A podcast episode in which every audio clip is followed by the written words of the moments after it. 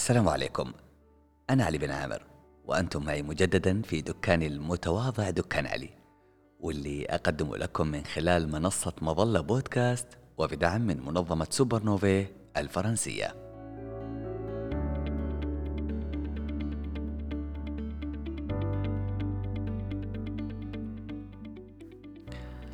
العلامة التجارية بمفهومها العصري هي عبارة عن دلالة رمزية تقود المستهلك لفعل شيء معين.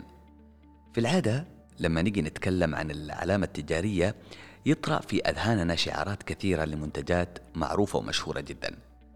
ومش دائما تكون هذه الشعارات مميزة في تصميمها قد تكون بسيطة بساطة تخليك مش مستوعب أنه في شركة بهذا الحجم تعمل شعار زي كذا ما هو الفكرة أصلا أنه الشركة دي كانت في بدايتها صغيرة وكبرت الشركة وكبرت نظرتنا لهذا الشعار. الفكرة طبعا ما هيش بشكل الشعار ولا بتصميمه بل هي في الأساس قائمة على الإيمان بقوة وفلسفة الشعار لا بالشكل ولا اللون. زمان ما كانش في فوتوشوب ولا كان في دراسات متعلقة بمفهوم العلامة التجارية ودلالاتها بس كان في أشخاص يتعاملوا مع الاسم والعلامة وكأنه شخص من أفراد العائلة ويعطي لهذه العلامة من عمره وصحته زي ما تكون واحد من أولاده. هذا هو حال العم شكيب اللي احتفل قبل شهرين بمرور 55 عام على تأسيس محل الأطلال لبيع الملابس الرجالية. واللي بيحكي لنا اليوم قصته مع محل الأطلال.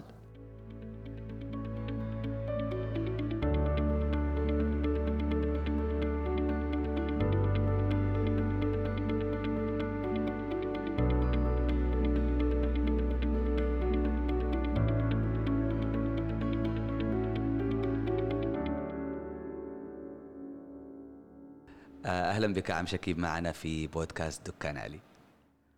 أهلا وسهلا بكم وشكرا على هذه الاستضافة. شكرا لحضورك طبعا عم شكيب. البداية طبعا كالعادة يعني سؤال تقليدي. لو تكلمنا في بداية هذا اللقاء عن فكرة تأسيس المحل كيف جاءت اللي هو تأسس تقريبا في 1968 طبعا منذ تأسس معرض الأطلال في العام 1968 على يد الوالد المرحوم السيد عبد علي عبد الله ونحن سائرون على دربه في حبه لهذه المدينة ومن أجل تقديم الأفضل خدمة لزبائننا الأعزاء.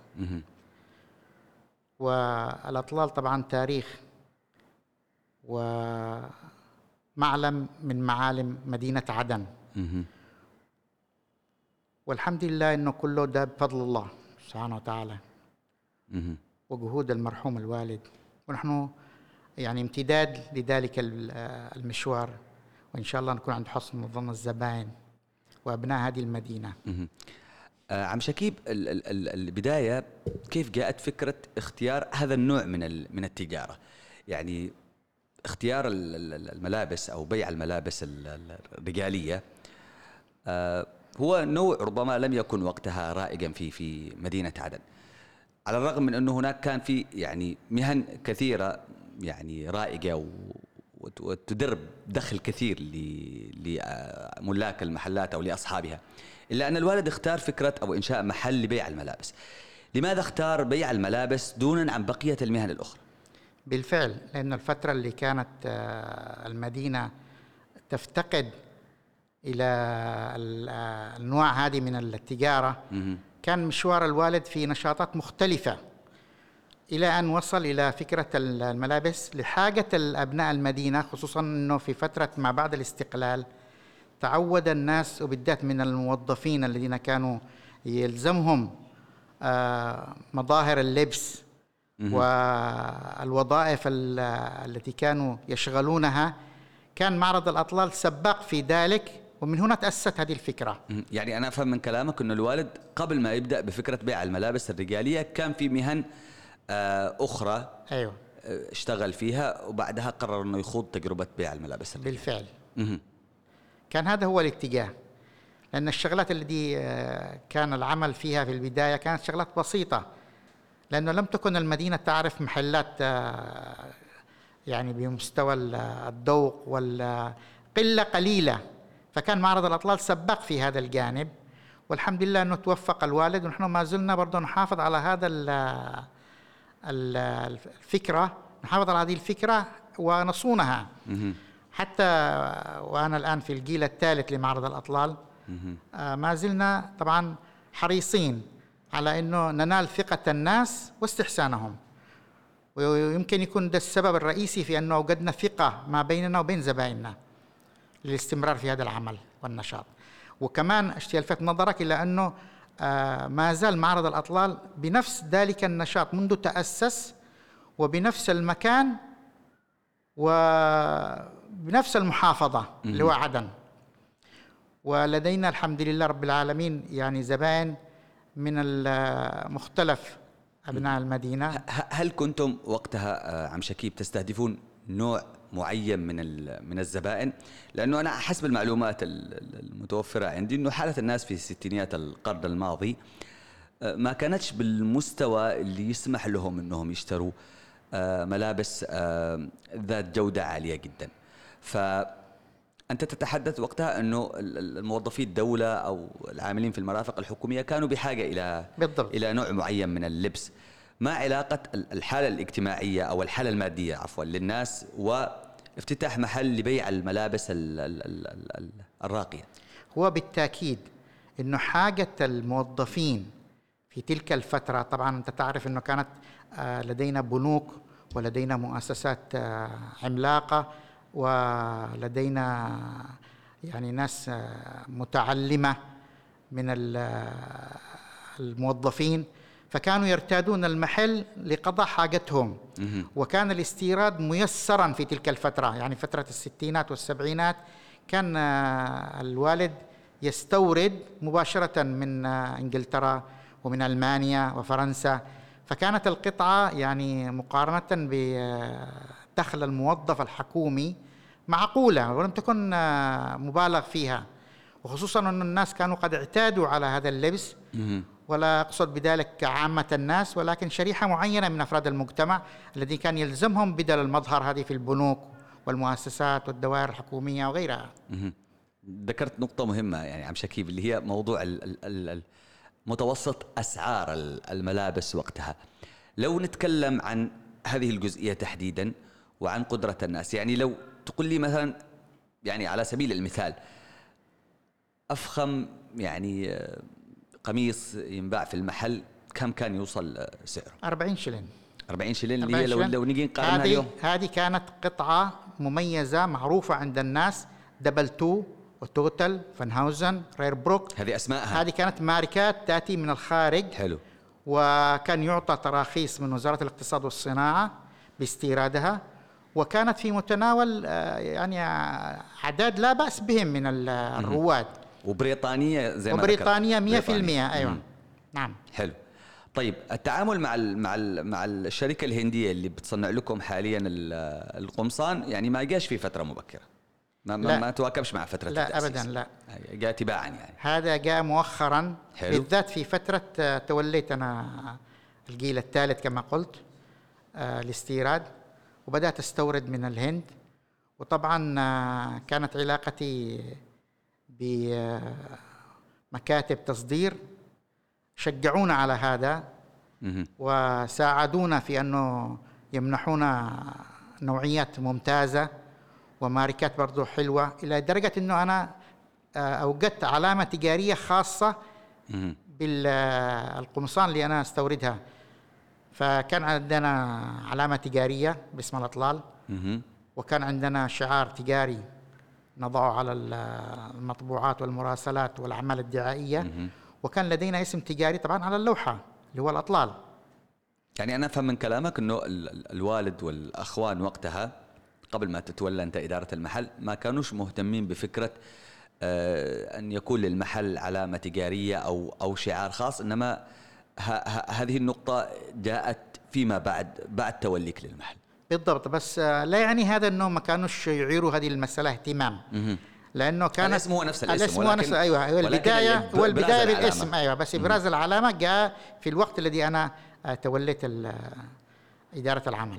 برجع معك شوي للوراء عم شكيب. خلينا تفضل. نتكلم عن ال- الإجراءات ال- المتبعة وقتها لفتح آه، علامة تجارية أو محل تجاري آه، في ستينيات القرن الماضي. ذكرت نقطة مهمة أنه الاستيراد والتصدير كان ميسر في حينها. طبعا.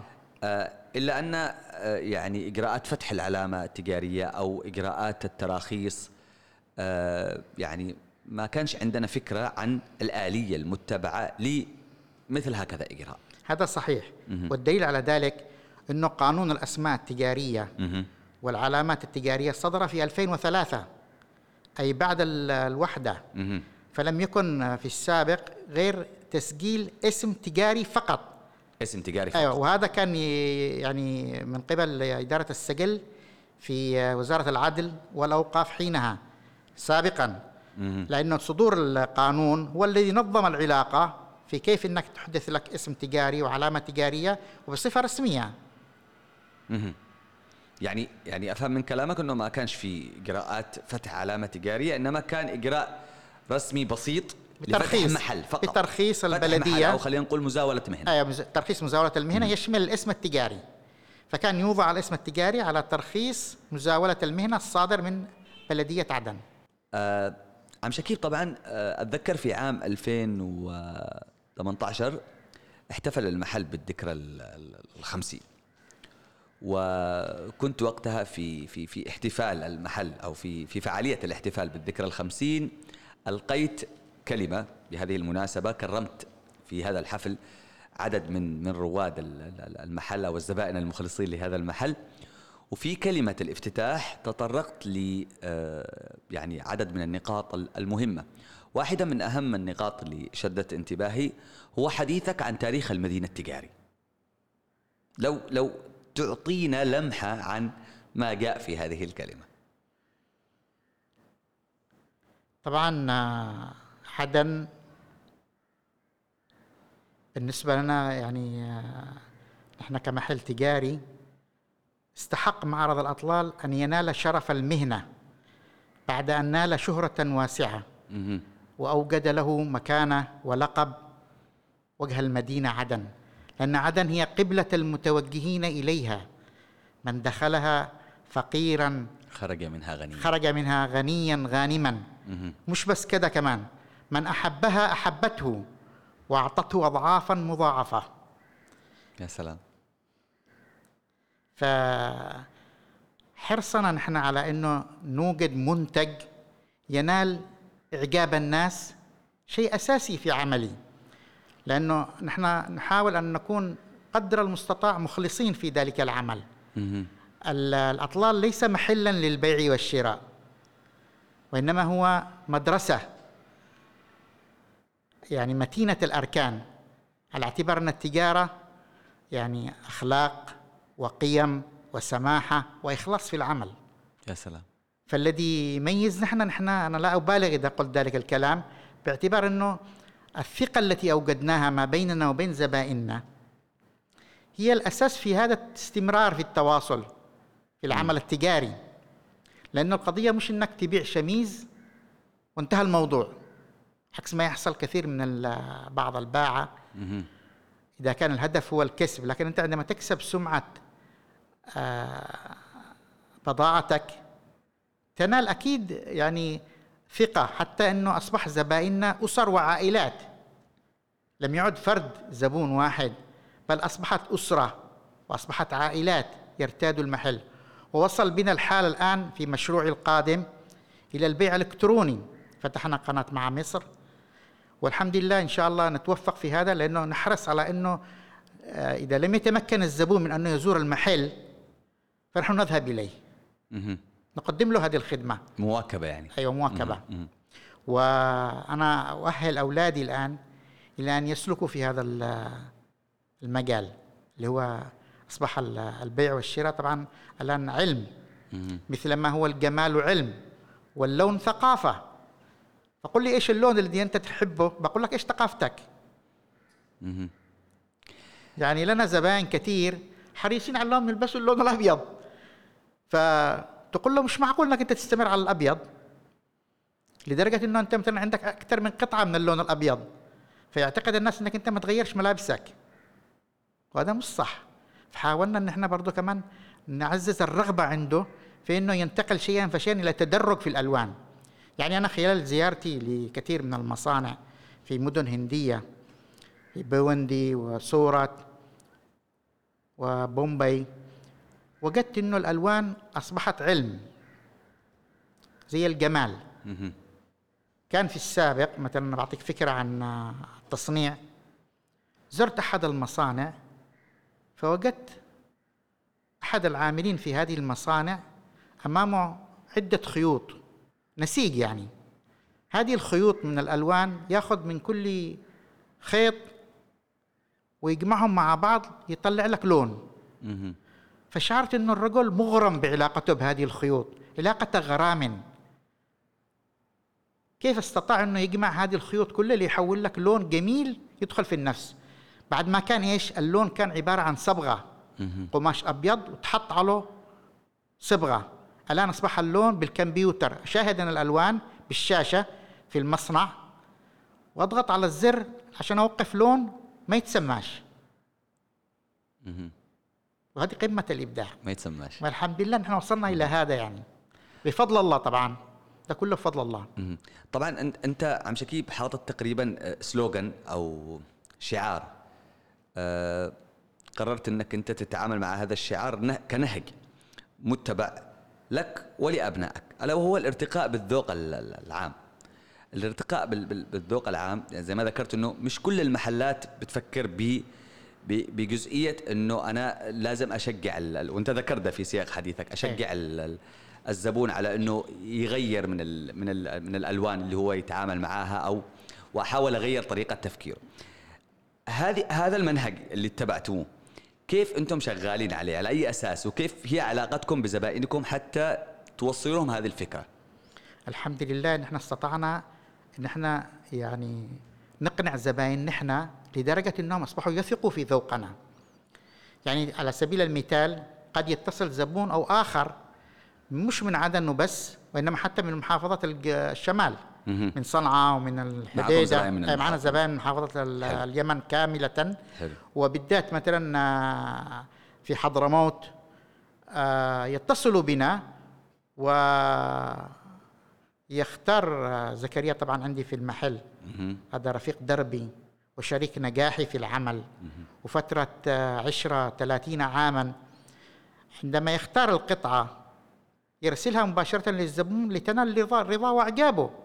وهذا شيء مش بسيط. قد لا يتوفر عند كثير من المحلات التجارية أنه يترك لك المجال أنت تختار بالأخير لا استطاع البائع أن يبيع لك ولا استطعت أنت أنك تشتري.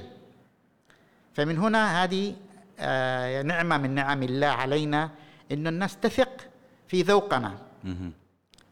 فأشتي أقول أنه الأطلال في فترة آه، نشاطه منذ أكثر من 55 عام الآن لم ينزلق وراء معترك الفوضى. وأقصد بالفوضى الفوضى في الذوق. يعني نحن محافظين على الطابع الرسمي لللبس. يعني الملابس غير اللائقة اللي بدأت تنتشر كثيرا هذه الأيام والتقليد. نحن ضده. لماذا؟ حرصا منا على حاسة الذوق واللبس والدين والأخلاق. حتى لو لو تعارض يعني هذا المبدأ مع مع فكر السوق الرأسمالي القائم على المواكبة على التماشي مع مظاهر العصر؟ مش هذه هذه شريحة معينة من أبناء المجتمع بالذات مثلا صغار السن والشباب. هذونا يحبوا نمط معين من اللبس. طبعا أنت ما تحرموش. بس في نفس الوقت يعني نحن حريصين على أنه زبايننا من سن معينة استقر بهم الحال. خلاص تبتوا أيوه تبتوا فمش من السهل جدا إنك أنت تأسس زبون. لما يتأسس الزبون معناته إنك أنت اوجدت لك قاعدة عريضة من أبناء المجتمع يثق فيك ويعتبر نفسه كأنه مبرمج فيأتي للشراء وهو بكامل قناعته. عكس الذي ذوقه متقلب. يعني اليوم ممكن يرتدي بنطلون قصير بكرة ممكن يرتدي آه، جنس آه، حالته كما تشاهد أنت في اللبس. وهذا كله طبعا تقليد. تقليد قد يستمر لفترة زمنية معينة وينتهي. لأن ظهرت كثير من المحلات الآن شغالة في هذا الجانب. بس أنا في تقديري وخبرتي العملية إنه مش مثل ما يكون الحاجة قد استقرت لأنها تعطي مزيد من الثبات والاستقرار النفسي في نظر الناس. يعني أنت فجأة تجد نفسك أنك غيرت لبسك. أكيد أنك أنت أعطيت انطباع على الناس أنه في حصل حاجة في طبيعتك في تعاملاتك في سلوكك. فلهذا نحن نجنب هذون الزبائن الحمد لله رب العالمين. وصلوا معنا عشرة عمر ونحن في خدمتهم. وعلى استعداد إن إحنا برضه كمان قلت لك نقدم هذه الخدمة الآن مستقبلا في الوقت القريب العاجل إن شاء الله لأنه أنا أوجدت برنامج بعلن عنه إن شاء الله في المناسبة القادمة هذه لخدمة الناس لخدمة أبناء المجتمع. ما أبناء عدن عنه هنا؟ لا مش على عنه هنا خليهم مفاجاه تمام. كنا نشتري حصري. لأنه أنت عارف الآن أساليب البيع لم تعد عشوائية. أصبحت كله بالبرمجة وحتى بالتواصل مع الشركات. يعني مرت علينا أزمة منعنا فيها من السفر. أنت عارف الحدث اللي جرت في البلد كورونا وحروب وكذا. لم نتمكن من السفر لأنه عندما تذهب أنت مباشرة لتختار القطعة وتلمسها بيديك تجد أنها يعني اختيارك كان موفقا. عكس لما تشاهدها بالجوال أو تبعث في طلبها وتأتي مخالفة. نحن نجنب الزبائن هذه الإشكاليات؟ لأنه في الأول وفي الأخير اسمك محطوط على كل قطعة. يعني نحن نتميز بأن كل قطعة من منتجاتنا كتب عليها اسمها اسمنا التجاري وعلامتنا التجارية التي اشتهرنا بها. فأصبح هذا خلاص يعني شيء مسلم به. ده طبعا بيقودنا للسؤال المهم جدا واللي كان يفترض إنه ينسأل في بداية المقابلة اللي هو الاسم. من فين جاءت فكرة الاسم؟ لكل محل طبعا من من محلات هذه المدينة أو في في في, في المعمورة في لما عندما يختار المع... اسم المحل دائما في قصة. نحن نشي نعرف قصة الاسم. شو بقول لك المعنى في الكلمة الأطلال هو أكثر وقع من حيث رنته الموسيقية يعني تقول أطلال. فالأطلال يعني تراث وتاريخ. وفي فترة يعني مثلا التأسيس كان الاهتمام بالرنة الموسيقية أكثر من المعنى. لأنه إن جيت تقول الإطلال من أطل يطل على الشيء كان المعنى مختلف. فالناس تهمها الرنة الموسيقية في الكلمة. فوجدت كلمة الأطلال أكثر وقع وأكثر استساغة يعني الناس تستسيغها وتحبها. ما بالك وقد غنت أم كلثوم وشدت كنت في الستينات في الستينات. يعني علاقة الاسم بالأغنية مرتبط؟ يعني هو هو هو الفكرة يعني مشابهة للي حاصل اليوم إنه كيف ممكن صاحب محل تجاري يستغل ترند معين أو أو هو مش استغلال هو مش استغلال وإنما كان حبا حبا في تلك الكلمات والمعاني الرائعة هو فكر تجاري على فكرة آه يعني ما هوش استغلال بالعكس آه هو فكر متبع. يعني أنت تذكر لي أي محل تجاري غنت له أم كلثوم؟ اذكر لي أي يعني محل تجاري غنى له الطرب. لهذا يقال رنمي الأطلال ترنيمة يا سلام. ومن يومها وانت ماسك ال... طبعا. هذا الاسم هذا الاسم يعني أنا تعرضت لقرصنة. حلو. القرصنة هذه إنه جاء من ياخذ الاسم بطريقة يعني غير قانونية. ومع ذلك آه، الحمد لله يعني انتصرنا لاسمنا.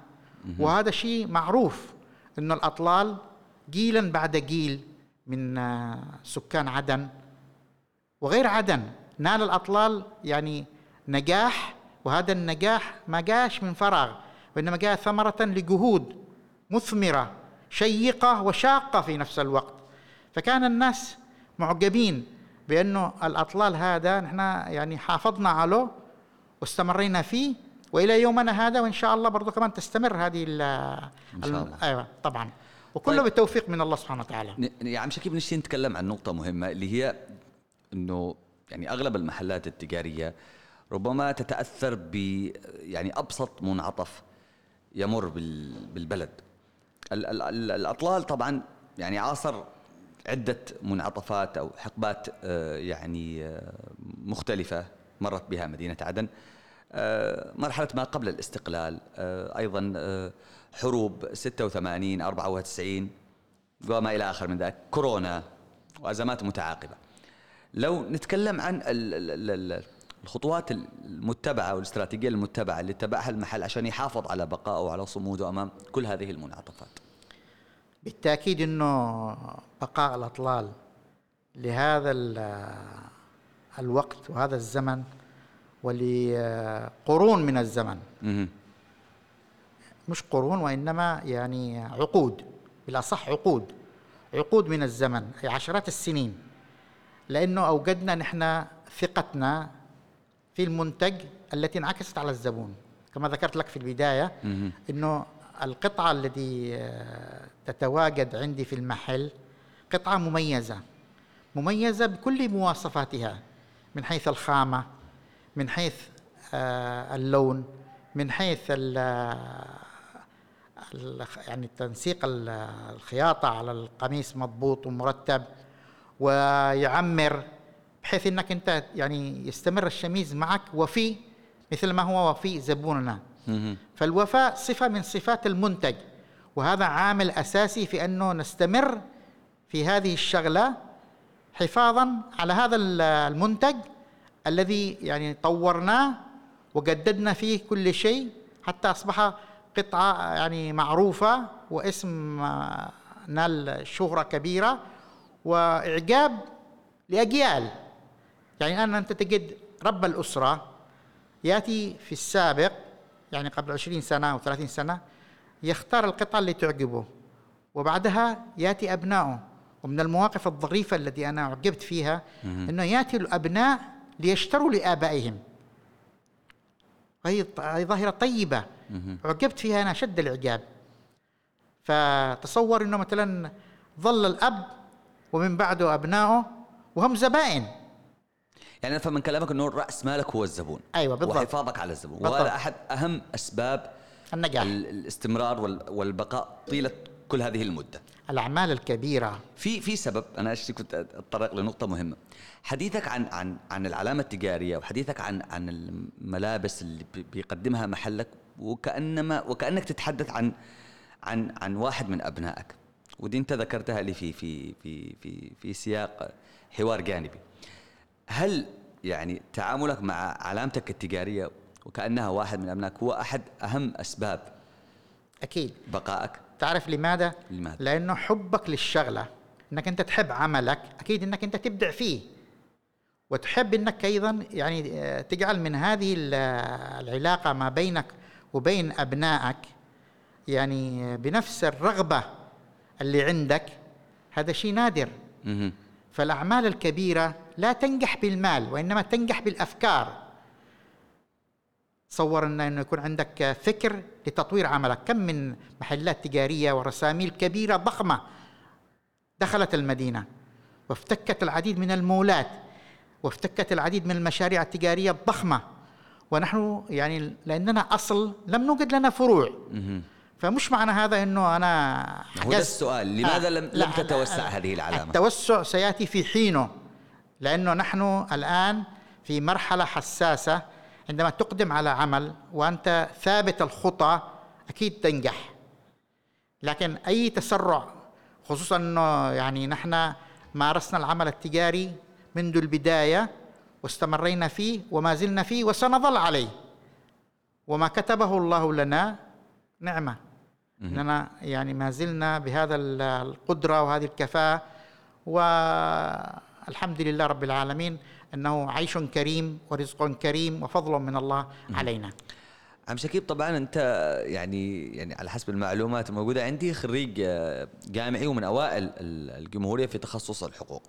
إلا أنك بعد تخرجك من كلية الحقوق قررت أنك تستمر في في في, في العمل التجاري، اليوم وأنا أتكلم معك يعني أشعر كأني أتكلم أو أتحدث مع شخص متخصص في في مجال ريادة الأعمال وليس الأول على الجمهورية في الحقوق. يا سلام. الأسباب. يا سلام. الحقوق يعني أنك تجد تاجرا متعلما قانونيا أفضل من التاجر الجاهل. التاجر خريج الحقوق يصلح في أي عمل. فأنا كنت آه، يعني أأمل في أننا أستمر في الدراسات العليا. ولكن وجدت أن هذا الفراغ لابد من أننا أشغله حفاظا على ما ورثته وفي نفس الوقت وف- توفقت في أننا يعني أبنائي اقتنعوا أحدهم آه، ابني الأكبر سامح. درس ال- البرمجة وهو الآن يعد كل شيء بالبرمجة باختياره لل design وال style تصاميم. والتصاميم وكل هذه وابني الأصغر محمد آه، يدرس الآن في سنة ثانية إدارة أعمال. وهذا كله في مجرى أنه يقدم ما هو أفضل مما وصلنا إليه مهم. ياخذوا دورهم في هذا الجانب وأنا أشجعهم على ذلك مهم. وأتمنى لهم التوفيق وأن يكملوا المشوار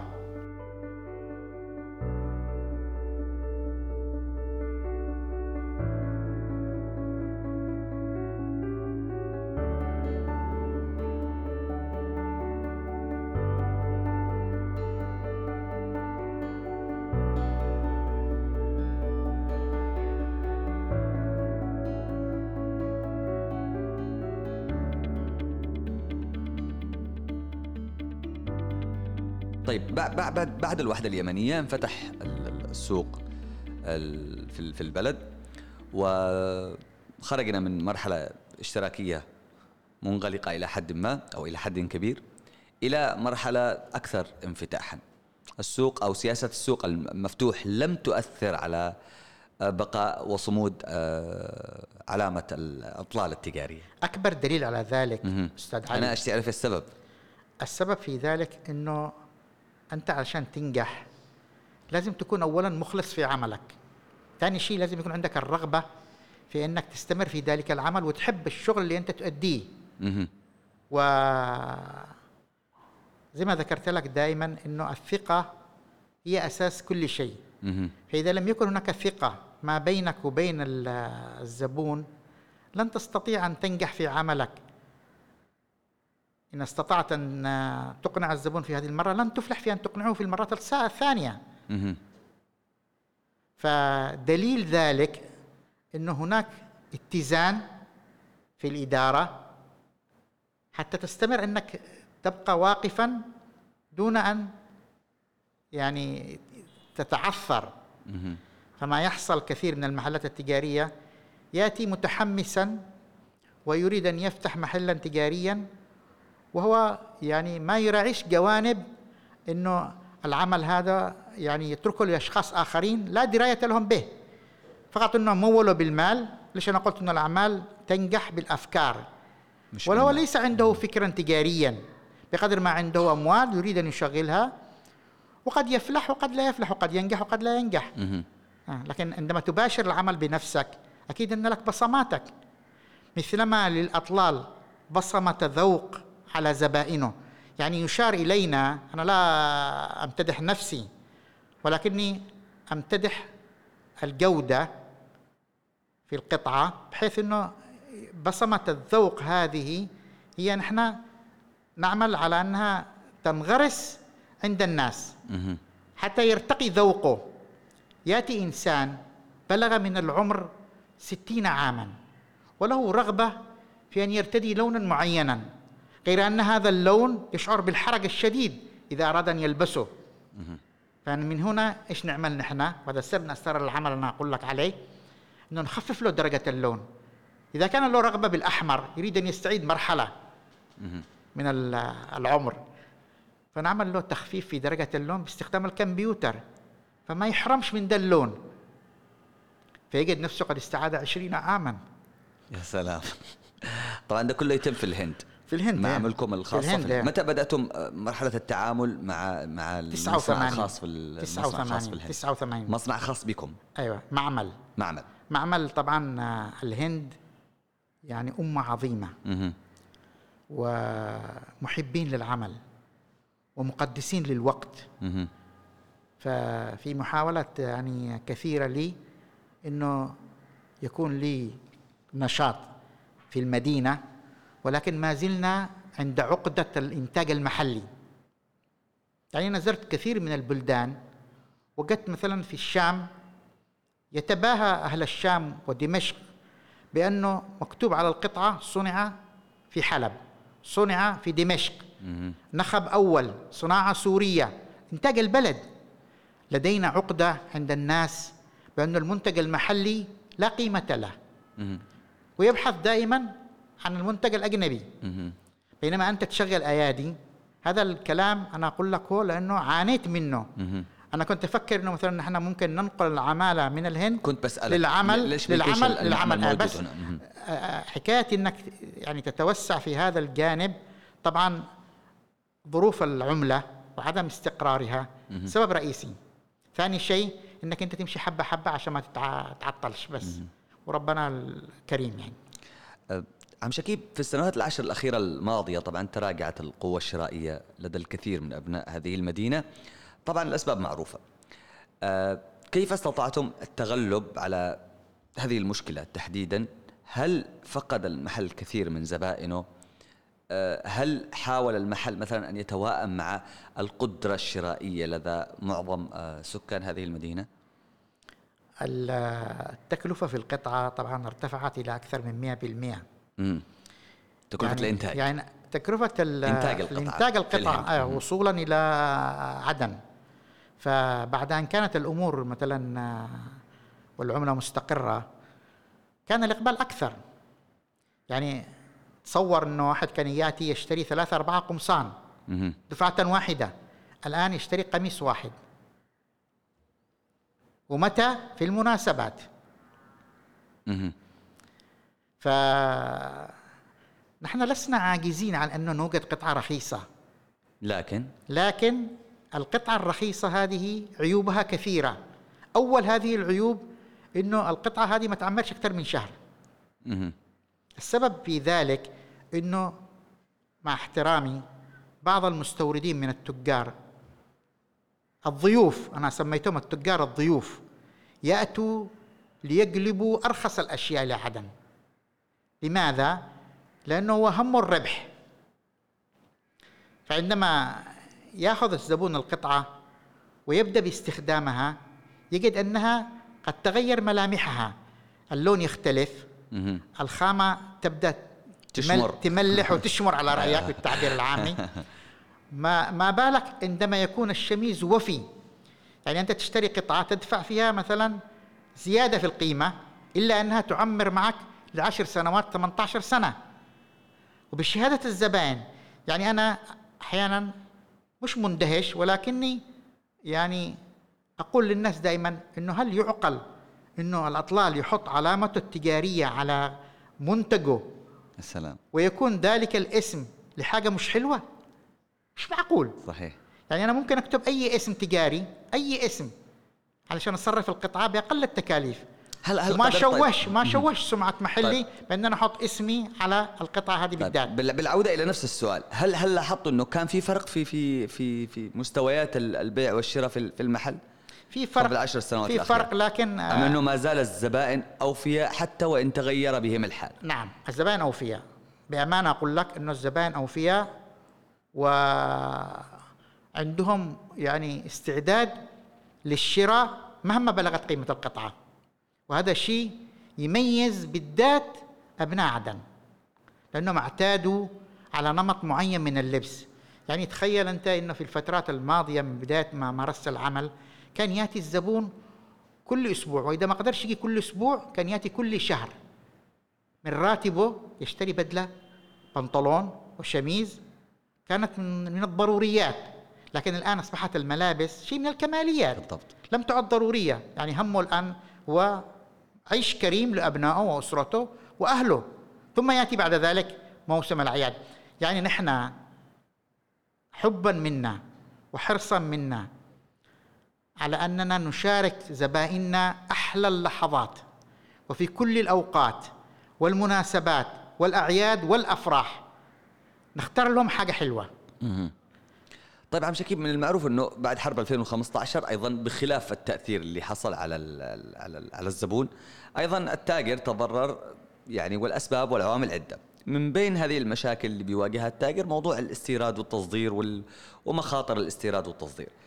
هل أثر هذا الشيء على على وخصوصا إنه عملكم في الهند فبالتالي لابد أن يكون هناك عملية استيراد تصدير؟ العالم الخارجي أستاذ علي لا يتعامل بنفس الواقع اللي إحنا نعيشه. لا نتكلم عن هنا نحن. يعني أنا أنا أتكلم عن استعدادات وتسهيلات من الخارج. يعني الآن نحن اليمن من ضمن الدول الذي محجور فيها التعامل بالتصدير. إلا من سبق لهم أنهم فيهم فترة من الاستيراد وبضمانات بمكاتب تصدير موجودة في الهند. تعاملنا معها لعشرات السنين. فلما تجد اسمك في البنك الخارجي إنه ملتزم. موثوق. موثوق بالضبط. تجد يعني إنه هذا العمل أنت أسست له وأثمر. فنحن الآن يعني أصبحنا بدل ما كنا نستورد يعني كميات أصبحنا نستورد أقل من نصف الكميات. لأن الفكرة كله بالتصريف. القدرة الشرائية. القدرة الشرائية والتصريف عاملان اساسيان في أنك أنت تحجمهم حتى نعدي هذه المرحلة. يعني مثلا أنا ماليش مصلحة إن أنا أرفع سعر القميص. زي ما ذكرت لك إنه كان ممكن الزبون أن يختار أكثر من شميز في آن واحد. أصبح الآن لا يستطيع وهو معذور. وكذلك أنا عندما كنت أصرف مثلا كميات الآن أصبحت أصرف أقل من الثلث. بالإضافة إلى إنه إذا حاولنا يعني نأتي بقطع رخيصة مثل ما هو حاصل في السوق هذا يعني سينسف كل اللي بنيناه طوال السنين كلها.